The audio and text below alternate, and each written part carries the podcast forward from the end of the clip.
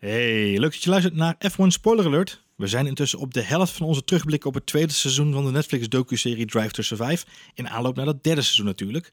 Kun je nou ook niet wachten tot het nieuwe Formule 1 seizoen begint? Tel dan met ons mee af via Twitter, via onze speciale F1 Spoiler Alert adventskalender. Elke dag blikken we terug via één van de 95 overwinningen van Lewis Hamilton op weg naar de start van het nieuwe seizoen. Wil je dat ook volgen? Check dan ons Twitter-account op F1 Spoiler Alert. Voor nu, veel plezier met de review van Drive to Survive. Hallo daar en leuk dat je luistert naar een nieuwe aflevering van F1 Spoiler Alert, de leukste Formule 1 podcast van Nederland. Mocht je het nog niet mee hebben gekregen, we zitten midden in onze review van de Netflix docu-serie Drive to Survive. We zijn tussen aangekomen bij aflevering 5, Great Expectations. En uh, ja, deze review doe ik natuurlijk niet alleen, doe ik samen met Marjolein. Ja, ik ben er nog Gelukkig, steeds. je bent erbij. Ja, ik, nee, ik ben niet even weg. Nee, ik zou kunnen zeggen dat je even... Het zou grappig zijn als hier nu ineens iemand anders zat. Ja, ik doe dit samen met Pierre Gasly. Ja, dat is- nou, hij heeft Voor deze aflevering zou dat eh, heel goed zijn geweest, denk ik. Dat was eh, interessant geweest. En Marjolein, ik heb bij aflevering 5 Great Expectations heb ik een, eh, weer een, eh, een, een hashtag eh, quote erbij gezet voor de, voor de aflevering. Ja? Ik heb hem eh The Great Gasly Roast genoemd. The Great Ghastly Roast. Nou ja. Het was een pittig afleveringje als je fan bent van Pierre Gasly. Nou ja, niks wat we nog niet wisten, toch? Nee, wat, eh, eh, in deze aflevering natuurlijk duidelijk wordt, dat is de opbouw naar eigenlijk het afscheid van Pierre Gasly. We zien zijn, zijn promotie heel kort. Hè. Hij wordt op de plek van Daniel Ricciardo neergezet. Eh, dat wordt nog even netjes neergezet door, de- door Christian Horner met een sneer aan het begin van de aflevering. Ja, zeg ik zei- naam goed? Maar ik had de vorige aflevering we het over het verschil tussen Horner en Toto Wolf. En Goedenstein, ja. En, ja, wat de buitencategorie is. Maar ja, ik- ik- toen zei ik... ehm, Christian Horner doet me altijd een beetje denken aan een Engelse korpsbal, zeg maar. dus eh, die hebben gewoon een bepaald soort humor. Ja. En eh, ik, ik mag hem wel. Ik vind het een sympathiek gast. Ja, ja, maar dit zijn de type sneren die hij wel kan Ehm, uitdelen. Ja. Maar eh, de reden dat ik erover begin is... eh, kijk, de Formule 1 is natuurlijk niet de sport van mietjes. Dus de, de manier waarop met elkaar om wordt gaan... Geen sport is, is voor, eh, voor, voor de fainted-hearted, zeg maar. Voor mensen die, eh, die het niet, eh, niet, niet tegen een stootje kunnen, laat ik het zo zeggen. Alleen wat deze aflevering goed duidelijk maakt... is dat Pierre Gasly duidelijk niet zo goed tegen een stootje kan. Nee. En heb je dan iemand als Christian Horner, die eigenlijk nog hè, vol goede bedoelingen zi- zit, want echt filijn vind ik hem niet. Eh, maar dan heb je ook nog eh, Helmoet Marco. Die is wel echt de topper van Verlijn. Die, ja, nou, ja, die zegt, nou ja, er is niemand die zo zegt waar het op staat, die er zo geen doekjes om wint Nee. als meneer Helmoet Marco. Daar Nee, kun je echt gewoon helemaal, ja, daar zit geen, eh, geen Spaanse... Daar is geen woord Spaans aan te Precies. inderdaad. Duits meestal wel, ja. Ja, dus, ehm, dus ja, dit is, dit is sneu voor Pierre Gasly. En eh Christine Horner verwoordt het ook goed, zo richting het eind van de aflevering, waarin hij zegt, ja, eigenlijk kwam deze promotie voor Pierre Gasly te vroeg. Te vroeg, ja. En dat, eh, dat was natuurlijk ook zo. Niemand had verwacht dat Daniel Ricciardo wegging. Hij moet ineens op die, eh, die plek zitten. We hebben het hier ook heel veel over gehad eh, in onze nabeschouwingen van de races afgelopen jaar. Pierre Gasly kwam maar niet van de grond. En waardoor kwam het? En iedereen had, zelfs als buitenstaander, had je al het gevoel... Hij, hij is te veel bezig met het verkeerde. Hij is bezig met Max Verstappen. En het viel me in deze aflevering wel op, want ik vond het niet de beste aflevering eh, van de serie tot nu toe. Maar Nee. dat komt meer omdat je als Formule 1-fan dit hele verhaaltje best wel goed hebt meegekregen en kent. ja. Zeker als volger van Red Bull. Ja, Er, was, er was niet zoveel eh, over te verzinnen. Behalve dat iedereen echt wel aan de buitenkant kon zien dat het gewoon voor geen meter ging met Pierre Gasly. Hm. Dat maken ze heel pijnlijk duidelijk door de Grand Prix van Oostenrijk eigenlijk als showcase te gebruiken. Heel erg tof dat hij terugkwam. We Ja. hadden toevallig vorige aflevering nog Ja, ja. over van eh Grand Prix van Oostenrijk. Was voor ons Nederlanders een hoogtepuntje, maar verhaaltechnisch misschien niet zo interessant. Maar verhaaltechnisch hebben ze hem nu toch interessant weten te maken, omdat het inderdaad de race was waar Pierre Gasly definitief door de mand viel. Ja. Door gewoon op een ronde gezet te worden door zijn eigen teamgenoot. Wat ik me overigens realiseer, jij zegt dan nu dat die verhaal technisch niet interessant was, maar eh, ik realiseer me nu ook dat hij in de aflevering zat met eh, Haas. Want ook voor Haas was dat een race waarin het uiteindelijk toch nog misging. Jazeker, nee, nee, ja. maar toen hadden we het erover Ja, dat klopt. als dat het enige moment is Nee, dat hij klopt, voorbij ja. komt, is dat jammer. Maar nu zie je ineens dat Want het was een epische overwinning van Max Verstappen. Het is heel zonde als die niet meer terugkomt, omdat oh, het was de eerste Honda-overwinning. Maar ja, het is, het is geen verhaallijn, want je kunt Nee, er dat, niks... dat was je, ik niet. Nee, nee. Ja, weet je, je had eraan op kunnen hangen waar wij, wat wij toen ook gezegd hebben. Namelijk, Honda komt weer terug in de sport. En het is heel bijzonder en emotioneel dat ze uiteindelijk weer weten te winnen. Ja. Ehm, maar ja, dat, dat draait niet echt om een coureur. Nee. Weet je, wat, wat echt een constante is in Drive to Survive, dat is in bijna elke aflevering wordt gezegd dat Max Verstappen zo'n beetje ongeveer de beste man op de grid is. Ja. Dat is een soort constante door alle afleveringen. Lewis Hamilton is de wereldkampioen. Die zit in de beste auto bij het beste team. Ja. Maar in bijna elke aflevering wordt gezegd... Max Verstappen is de beste coureur. Ja, en in elke aflevering komt Daniel Ricciardo voorbij. Dat is ook een constante. Ja, in deze nee, precies. Maar het geeft wel goed aan. Kijk, daar kun je dus op daar kun je niet zoveel verhaal omheen bouwen. Nee. Verhaaltechnisch is Max Verstappen niet interessant. Behalve dat hij een heel groot talent is... die nog niet de beste auto heeft om Lewis Hamilton eh, te verslaan. Eh, kijk, Mercedes maakte zichzelf heel interessant... door in, ehm, juist uitgerekend in Hockenheim... eh, plat op zijn bek te gaan. Ja. Ehm, ja, verder ja, valt er niet zo heel veel om Max heen te vertellen. Behalve wat ze dus nu hebben gedaan door echt het contrast tussen Max en zijn nummer 2 te En laten zien. En dan ja. is Max ineens heel interessant als verhaallijn. Omdat je dan kunt laten zien, ja, daar valt niet aan te tippen. Wat mij het meest fascineerde is dat Pierre Gasly... ehm, eh, ja, aan alles zie je dat hij met de verkeerde dingen bezig is. Ja. Ik heb wat geleerd in de... Als je succes wil hebben, eh één ding is heel belangrijk. Focus op je eigen wedstrijd. Weet je, doe je eigen ding. Doe, doe focus op, wat, op jouw race. Focus enkel en alleen op jouw race. Kijk niet naar de concurrentie, kijk niet naar wat andere mensen doen, maar focus op je eigen kunnen. Alleen dan word je ergens de beste in. Nou, en dat, dat doet hij niet. Elke twee zinnen begint hij over Max Verstappen. Ja, is hem natuurlijk ook wel een beetje, wordt hem dat ook wel een beetje natuurlijk in de, de woorden in de mond gelegd, Ja, als hij het zelf niet over begint, dan begint een Begint journalist er erover. inderdaad. Ik vond dat beeld dat hij omringd werd door, door 30 journalisten. Dat hij daar in, in zijn eentje aan zo'n staattafeltje zat met zo'n persmannetje erbij. 30 journalisten om hem heen. Iedereen stelt dezelfde vraag. hey, voel je je onder druk gezet? Ja. Dit joch is ook, hoe oud is hij? 21, 22, net zo Mhm. oud als Max. Ja. Eh, je ziet waar die vandaan komt. Je ziet zijn ouders en eh, gewoon hè, eh, simpele Franse jongen. Ja. Eh, altijd gekart, het racen vindt hij hartstikke leuk. En ineens wordt hij daar voor de leeuwen gegooid. En dan zegt zijn PR-manager, zegt na afloop van het interview, zegt ook nog... Ja, je antwoorden moet je wel wat eh, korter houden. Want eh, Ja, is- hoe minder je praat, hoe minder ze vragen ze kunnen stellen. Er zijn inderdaad wel een aantal dingetjes waar we naar kunnen kijken. Ja, Want ik, was mij... Als, zo, oh, ja, ik, ik, ik was wel even benieuwd inderdaad. Want we, we, gaan, we zijn eigenlijk nu al inderdaad helemaal daar aan het punt waar die al op een breker staat. En die weg daar naartoe, daar gebeuren natuurlijk wel een aantal dingen waardoor, waardoor hij dat ook... Weet je, het is niet zo dat hij direct al met Max Verstappen bezig is of met al die, die randzaken. Ehm, wat volgens mij ook Christian Horner aan het begin van de aflevering al gelijk zegt, is eh, hij crasht die auto natuurlijk twee keer in, eh, in Barcelona tijdens de voorbereiding. Eh, en Christian Horner laat dan even zo tussen neus en lippen vallen. Ja, zo'n 2 miljoen schade voor het team.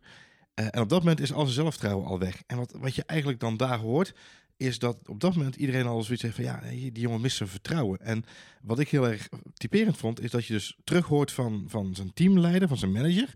Ja, eigenlijk al van het moment dat we aan het begin, aan het begin van het seizoen waren, ging het al mis. En vanaf dat moment zijn we aan het corrigeren geweest. Dat is wat je terug hoort. Ehm, en, en Pierre Gasly zegt dan zelf, ja, maar ik ben ook zelf ook heel gedreven. Ik wil heel graag ook het maximale uit mezelf halen. En datgene wat zij van me verwachten, dan verwacht ik van mezelf nog het dubbele van. En Dat is natuurlijk de lat extreem hoog voor jezelf leggen. Nou, ik denk dat het goed is dat hij de lat zo hoog voor zichzelf legt. Dat moet ook. Eh, maar ik ben niet helemaal met je eens dat het in het begin niet meteen om Max Verstappen gaat. Want het gaat wel meteen om Max Verstappen. Hij komt dat team al binnen. Ik, ik proef bij hem al van begin, of bij die eerste fotoshoot, dat Max een geintje met hem maakt. En eh, eh, staat hij er al bij. Zo en tuurlijk, ze zijn goed bevriend. Zij kennen elkaar goed. Dus hij heeft niet een probleem met Max Verstappen zelf als persoon. Max is een leuke jongen. Eh, Weet je, ze, gaan, je zegt, ze klikken juist heel goed met elkaar.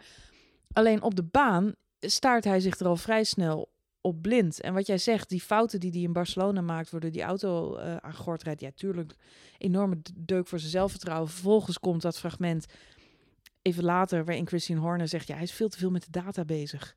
Hij, hij blijft maar naar die sheets kijken. Ja. Hij zou gewoon op instinct moeten rijden. En dat is precies mijn gevoel, eigenlijk, eh, wat ik het hele seizoen heb gehad. Het is geen coureur die op instinct rijdt, of ergens is hij in dit seizoen zijn instinct kwijtgeraakt. Kwijtgeraakt. Ja, ik dat. Ja.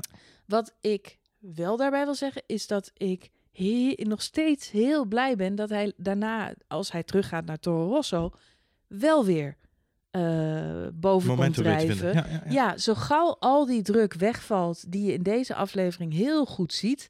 Dat shot met die 30 journalisten om hem heen. Weet je, eh, poeh, als ik, ja, je zou hem daar gewoon eh, weg willen sleuren. En tuurlijk, daar moet hij tegen kunnen. Hè? Max Verstappen kan er ook tegen de grote der aarde. Als je wereldkampioen wil worden Formule 1, moet je er wel mee om kunnen gaan. Dan kun je Hm. geen. eh, eh, ja, je kunt er niet, niet aan meedoen als je bij Red Bull rijdt. Alleen het kwam te vroeg voor hem. Hij is, Ja. daar, hij is daar echt nog niet tegen opgewassen.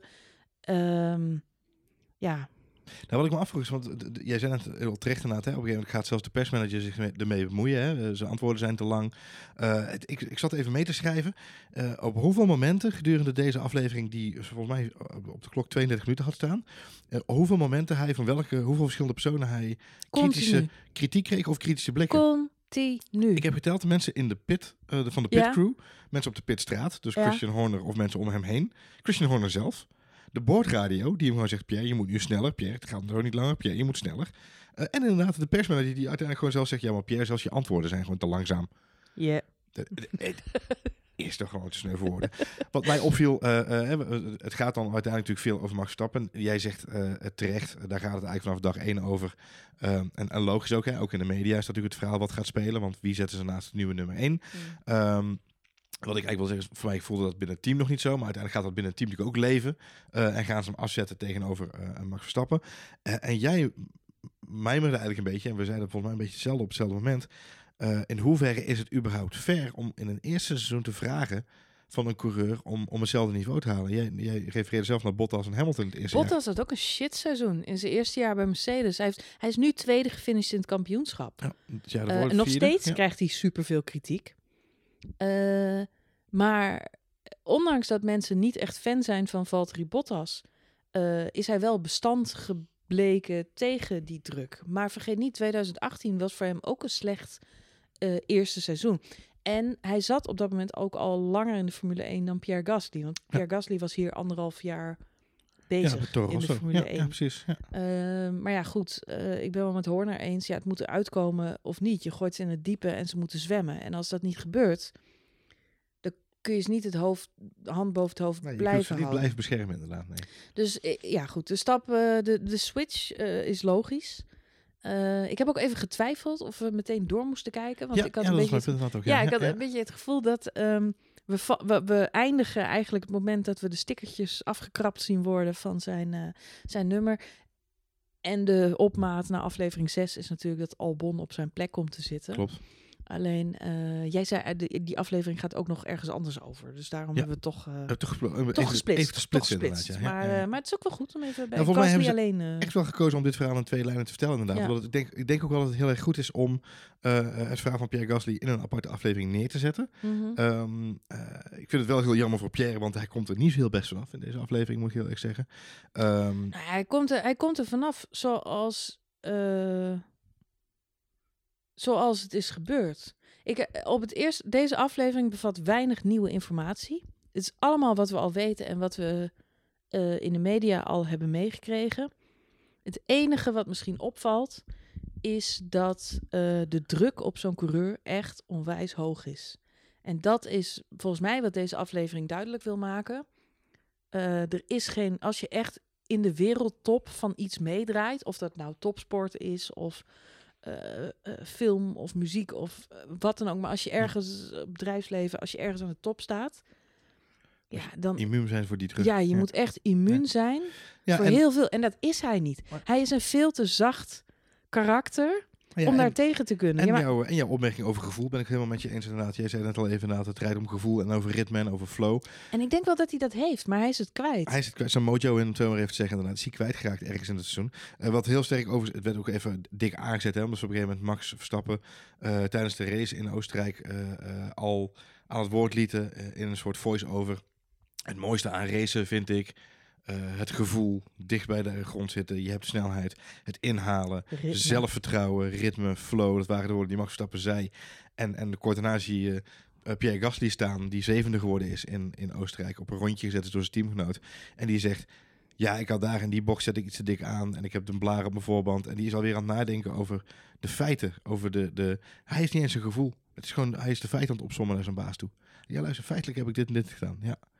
En dan, weet je, ja, het is gewoon, het is eigenlijk pijnlijk om te zien dat iemand die, Ja, het komt er niet uit. Hij is te zacht. En eh, nog een andere debutant in diezelfde curve uit dezelfde regio, niet hetzelfde land. Ehm, Charles Leclerc. Ja. Nog weinig gezien tot nu toe in Drive to Survive. De paar keer dat we hem zien, komt hij er ook nog niet zo goed vanaf. En hij Nee. crashte natuurlijk in Monaco. En een paar keer valt hij had hij dit jaar natuurlijk ook een, geen eh, beste ja, dus tot nu toe maakt hij nog geen goede... in- Tenminste, in deze serie komt hij nog niet eh, zo goed nog niet aan echt aan maar- bod. Nee. Maar goed, dat komt natuurlijk pas als hij die Super Ferrari krijgt. Ik mis, ik mis sowieso een paar mensen in deze serie naartoe. En met name Kimi Räikkönen, om eerlijk te zijn. Ik Ja. mis Kimi. Ja, ja. Ja. Die eh, Ja, die is missing in action. missing... in- Nou, hij Dus- zat er nu in, omdat hij werd ingehaald. ingehaald, ja.